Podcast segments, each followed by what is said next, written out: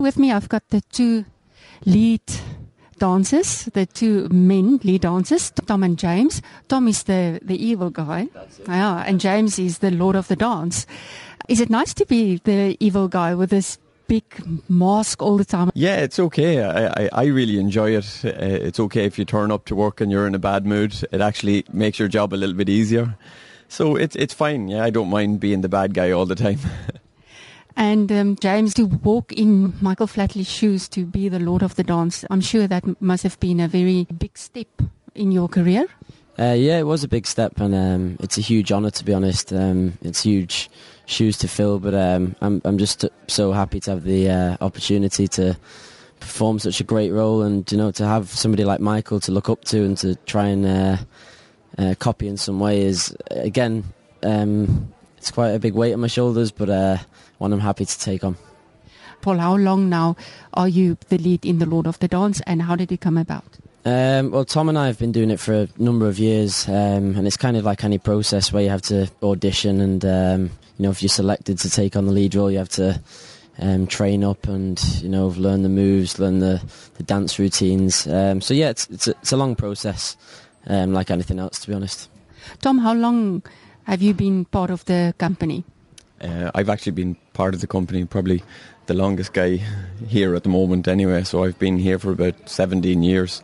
So I joined uh, when I was practically a baby, just out of out of school. But like uh, as James was just saying there, like been training as an Irish dancer most of my life, and uh, it was just fantastic to be a part of something like this, and it was a great moment for me when I got to join the show, and been loving it ever since. When did you start with your, with your dancing career? Started when I was about five years old. Uh, started with uh, Irish dance lessons, as a lot of kids back back home do, and uh, just found that I was good at it and did well in competitions, and uh, eventually ended up in Lord of the Dance, which is kind of a dream come true for any Irish dancer. James, how long are you in the tap scene? Um, I've been with Lord of the Dance for 11 years. Um, so I was similar to Tom. I was just out of school and um, lucky enough to get the opportunity to, you know, go go on tour with the show. And uh, same, I've never looked back since. Since it's been a great eleven years. Um, were both of you in South Africa the previous time when Lord of the Dance was there? Yeah, we've both been in, in, in South Africa. All right, it's absolutely fantastic, beautiful country. How's the audience there? Do you feel the same? Because I remember now last night when we saw the show, you could have, have showed the people, come on, man, you know, just clap your hands and, and give me a, a, a louder applause. Can you do that with the South African audience as well? Uh, definitely, yeah. I mean, we're quite lucky that wherever the show goes, it gets a good response. But um, definitely, Tom and myself were saying earlier, um, we remember last time we were in South Africa and it was just unbelievable response and uh, you know standing ovations and everybody wanting one more time. So that that's great for us as well, and that that makes us look forward to going back. I'm going to ask you both now the same question, and then if you can just answer that, what makes this show better and different from the previous one?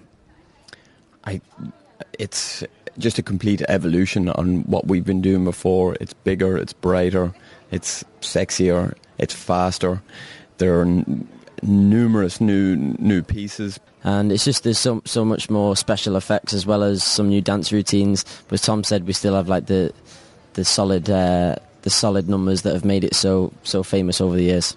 How long do you need to rehearse every day?